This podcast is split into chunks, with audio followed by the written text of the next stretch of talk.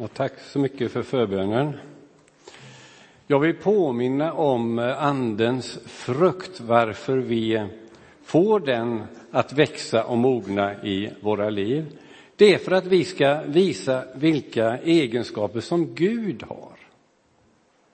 Och på vilket sätt Jesus visade vem Gud är med de egenskaper som Jesus visade. Och om vi bär den här frukten i våra liv så kan människor få smaka och se att Gud är god. Så det är inget vi ska glänsa med överhuvudtaget, men vi ska visa på vem Gud är. Guds egenskaper handlar det om. Och jag vill också påminna om att det är Andens frukt, den helige Andes frukt. Och den kommer av ett liv tillsammans med den helige Ande. Under lång tid så får detta växa och mogna i våra liv. Så det gäller att ha kontakt med den helige Ande för att detta ska funka, helt enkelt. Andens frukt är kärlek, glädje, frid, tålamod, vänlighet, godhet, trofasthet, ödmjukhet och självbehärskning. Hur känner ni när ni hör de här orden? De är lite granna lika varandra, eller hur? Och jag tror att det är också vår erfarenhet att om vi märker den här frukten, den här egenskapen hos en människa så brukar det vara så att de andra också finns där. Det är som när man letar svamp.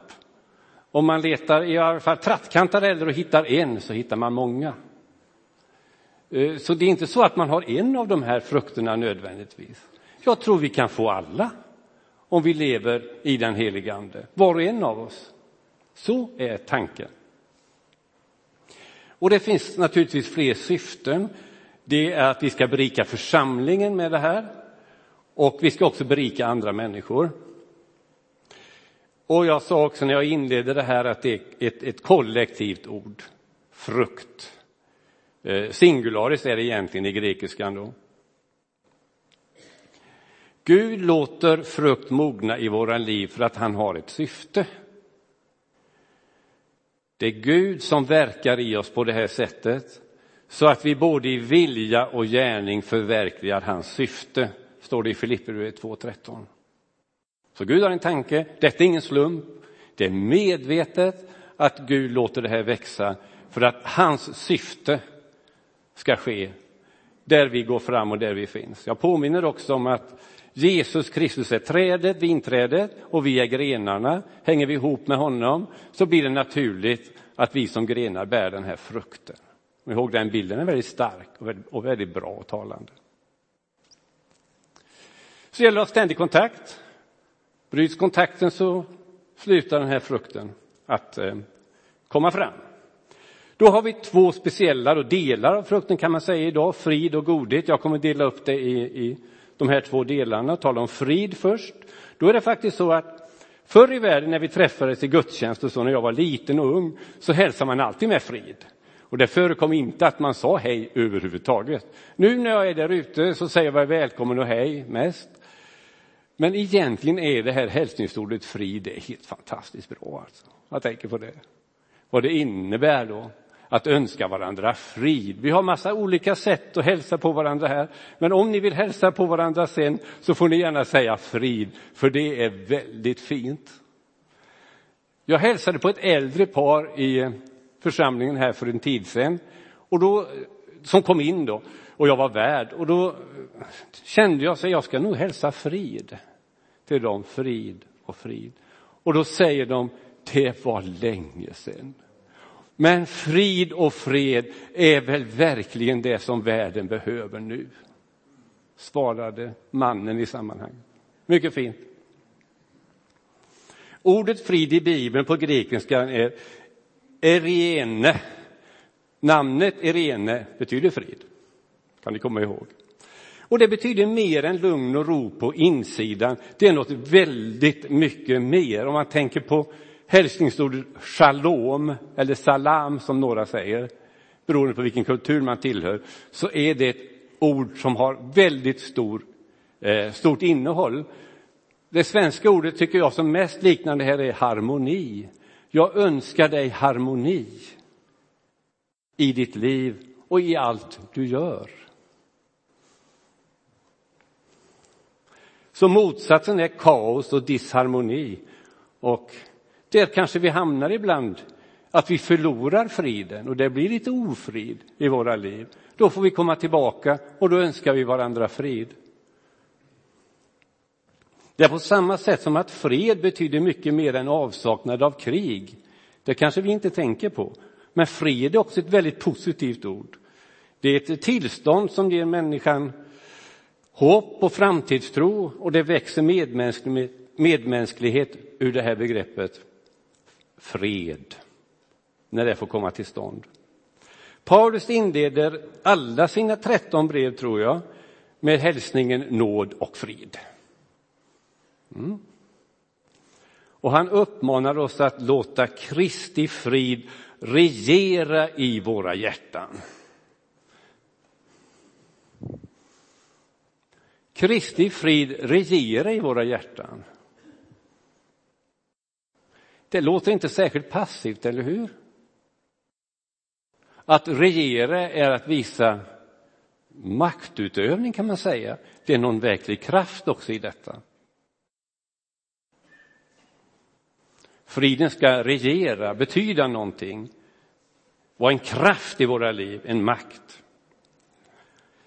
Och nu kan jag inte förklara för er vad frid är, för det går inte att göra det med förstånd och ord.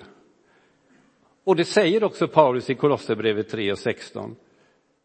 Eh, förlåt, Filipperbrevet 4 och 7. Guds frid övergår allt förstånd. Ja, hur gör man då?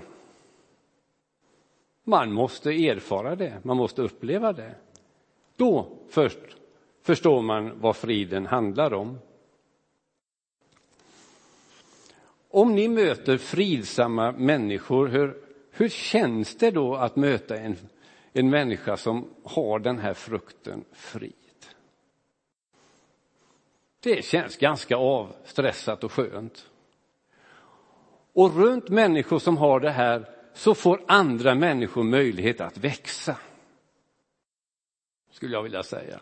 För friden gör att man ger utrymme för andra, om jag själv är fridfull. Så upplever jag det. Om jag möter en stressad människa så då liksom krymper jag. Men om jag möter en fridfull människa, då växer jag själv.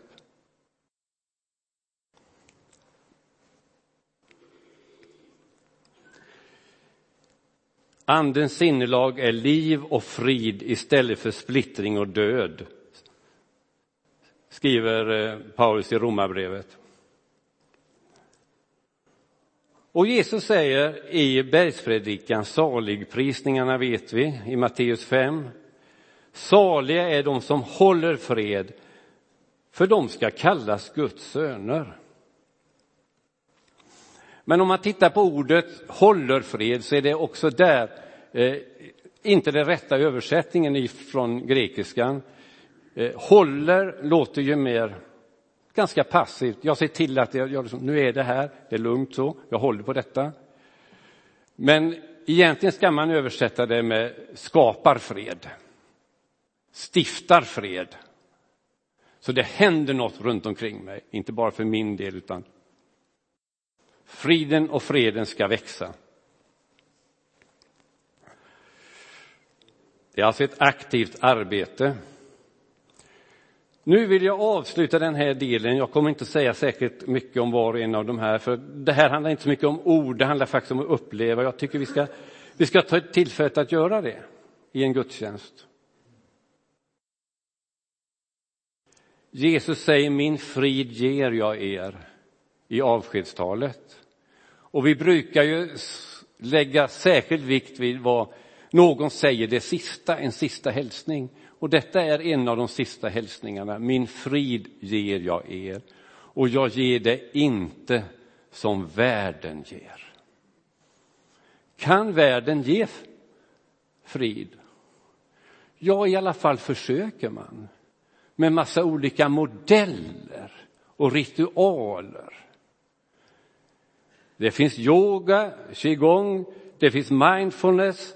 Jag behöver inte nämna allt detta, det finns jättemycket. Och jag är inte mannen att säga att detta överhuvudtaget inte fungerar, för jag har aldrig testat det.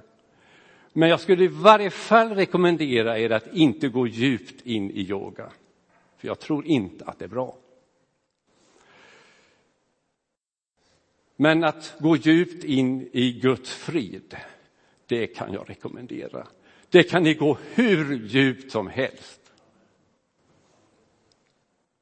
Och det kostar egentligen inte så mycket, vare sig i tid, ja tid kanske för vi ska leva i det, men det kostar inte att man ska gå på någon speciell kurs och betala pengar. Det är och därför säger Jesus, det kanske fanns sådana modeller på den tiden också, så det fanns anledning att säga så här, jag ger inte detta som världen gör nu, utan jag ger det på detta sättet, ta emot det nu, min frid, ni har det här nu.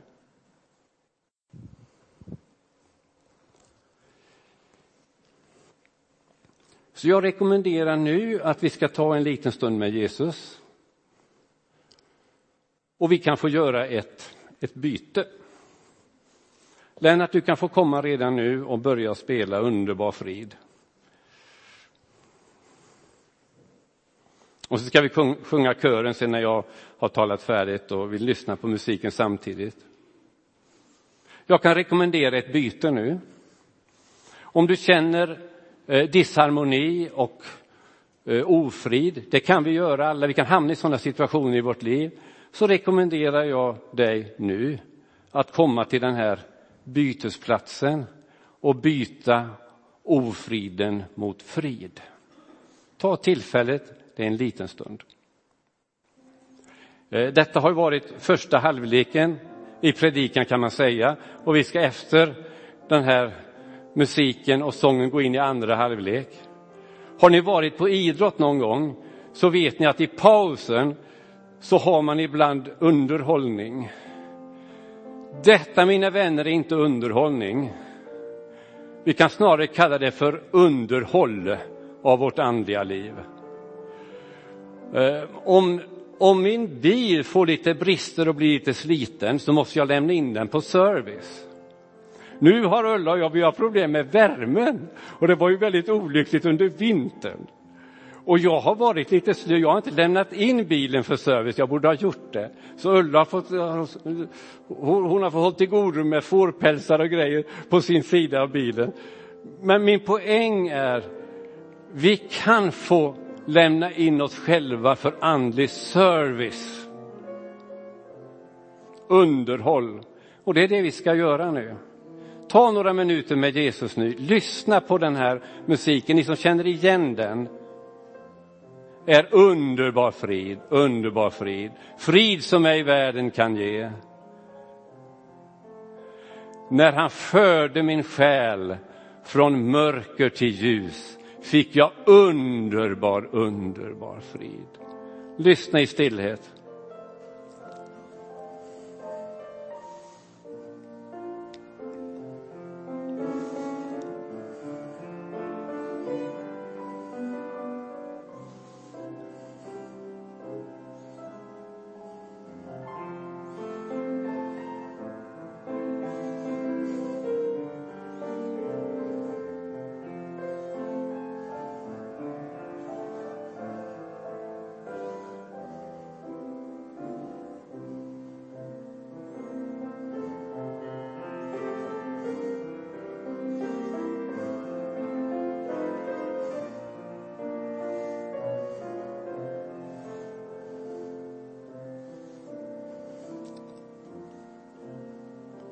Herre, tack för att vi får uppleva och erfara din underbara frid mitt i vår gudstjänst. Tack för att det är en frid som du ger, som inte världen kan ge. Och den övergår allt vår förstånd. Men vårt hjärta kan ta emot det. Låt eh, oss som är samlade här nu få göra det här bytet. Den ofrid som vi känner får vi byta mot din underbara frid.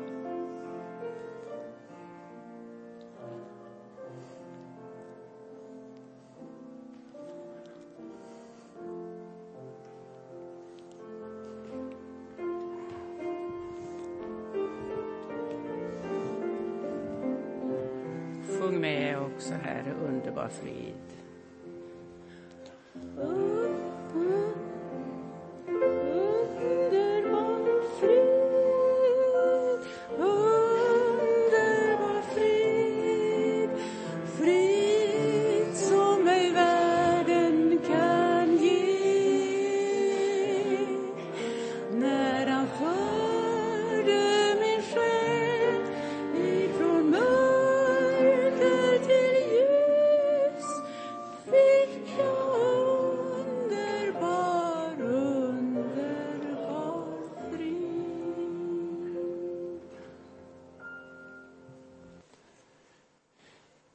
Då ska jag säga någonting om godhet.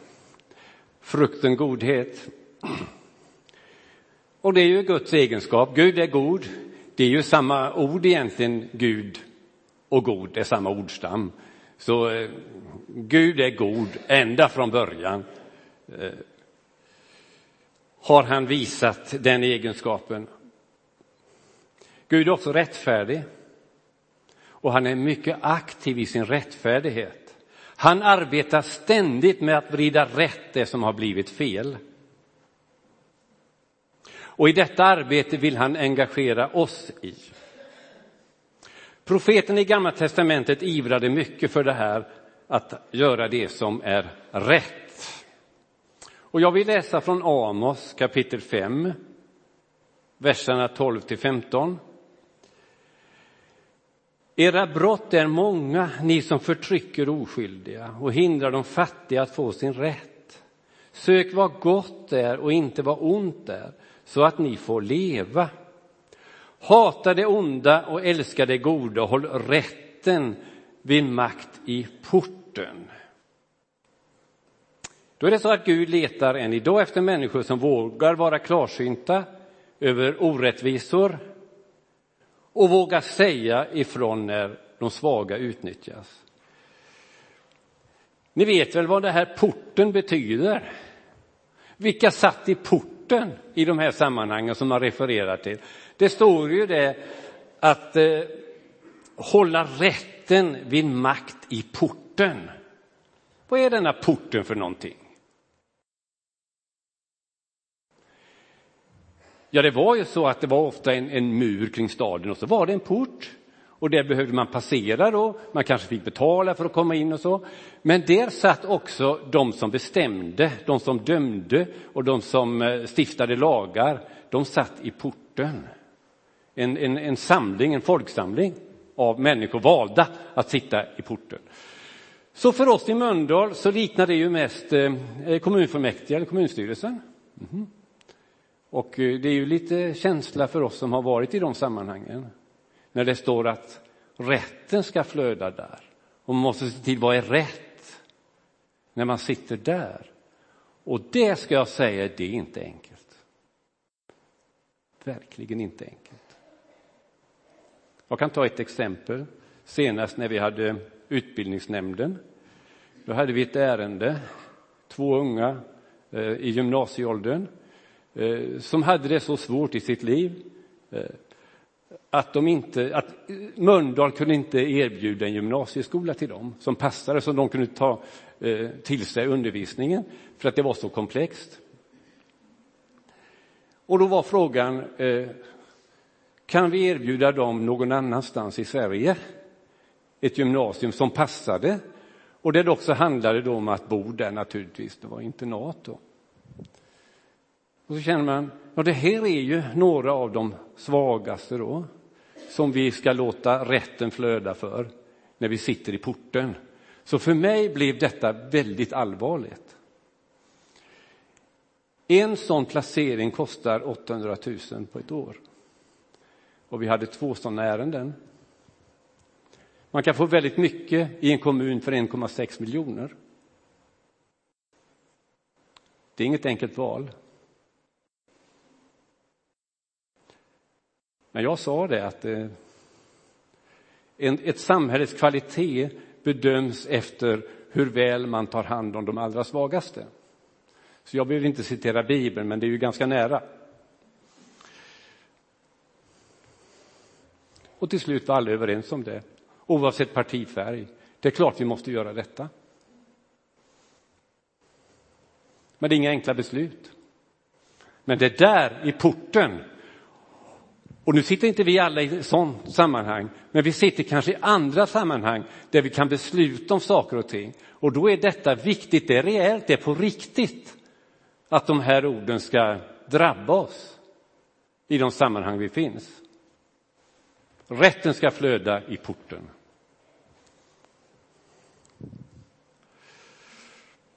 Er kärlek ska vara uppriktig, avsky det onda, håll fast vid det goda, säger Romarbrevet 12 och 9. Och det är Gud som verkar i oss att hans goda vilja ska ske. Det har vi redan varit inne på. Och här har vi också ett grekiskt ord som heter agatosune, eh, för godhet då, som är översatt med godhet. Och det innehåller väldigt mycket mer än vad man kan tro. Det är både godhetens existens och dess funktion. Så här är inte bara eh, något man är, utan det är något man gör. Man gör godhet. Det är ett varande och ett görande. Och godhet är en frukt som kommer när Guds kärlek tillåts blomma ut och sprida sin doft i en hård och ond tillvaro. Någon har sagt så här, att mot godhet har människan inget försvar. Och jag förstår ju precis vad man menar. Men sen kan man reflektera, är det så? Det är väldigt kraftfullt att möta ont med gott, det vet vi. Och det är det som menas med den här texten. Mot godhet har man inget försvar. Då blir man liksom bara, oj. Vad ska jag göra nu mot denna godhet? Men ändock så är det en kamp mellan gott och ont. Och många människor som har ställt sig på det goda sida får ju lida för det. Det behöver vi inte, ja, det finns ju många exempel. Martin Luther King, Hammarskjöld, Rabin. Vi såg en film om, film om ja, vad heter han? Premiärministern i Israel, Rabin. Yitzhak Rabin heter han. En film, hans sista dag. Det var oerhört gripande. För han arbetade ju för fred och godhet, men blev mördad av en av sina egna landsmän. Så det är inte... Finns det försvar mot godhet. Det finns i alla fall ondska mot godhet. Så är det, det är en kamp. Så här skriver broder Roger från Taizé, han som blev mördad på sin arbetsplats i klostret. Förlåtelse är en av de mest underbara gåvor som evangeliet ger oss. Den är också nödvändig för att alla för alla som vill följa Kristus. Och uppriktig godhet är ibland nästan ett mirakel i våra liv. Broder Roger. Om ni vill läsa mer om godhet så rekommenderar jag Desmond Tutu och Mpo Tutus bok om godhet och varför den gör all skillnad i världen. Och då vet ni säkert Desmond Tutu eh, ordförande för sanningskommissionen efter apartheidregimens fall i Sydafrika. Och det är hans dotter då, Mpo, som är präst och doktor i religionsvetenskap, som skriver om detta. Eh, vilken kraft det finns i godhet och förlåtelse. Och om det är några som vet det, så är det faktiskt dessa. Vad försoning mellan människor och godhet kan göra för att förändra världen. Men nu handlar det om oss här. Och då är det så här på samma sätt som vi kan ta emot friden så kan vi ta emot godheten. Så här står det. Idel goda gåvor och fullkomliga skänker kommer ner från himlaljusens fader, kallas ju Gud i det här. Hos, in, hos vilken ingen växling finns mellan ljus och mörker, för han är hela tiden ljus. Så han har de goda gåvorna att ge oss. Och det är samma vi kan ta emot det också, här och nu.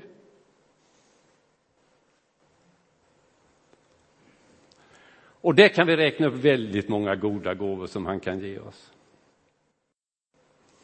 Så här säger kung David, godhet endast och nåd ska följa mig i alla mina livsdagar och jag ska åter få bo i Herrens hus evinnerligen. Det är psalm 23, hedersalmen, det vet vi.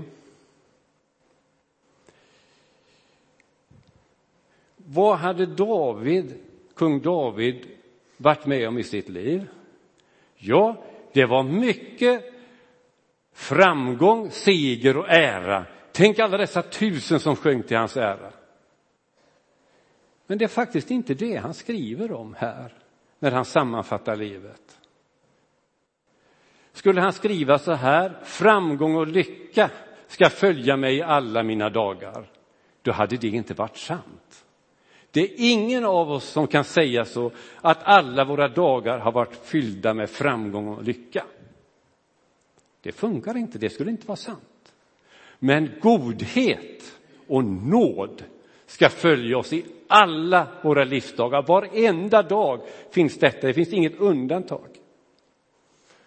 Godhet och nåd ska följa oss i alla våra livsdagar. Det är ett erbjudande. Ta emot det nu.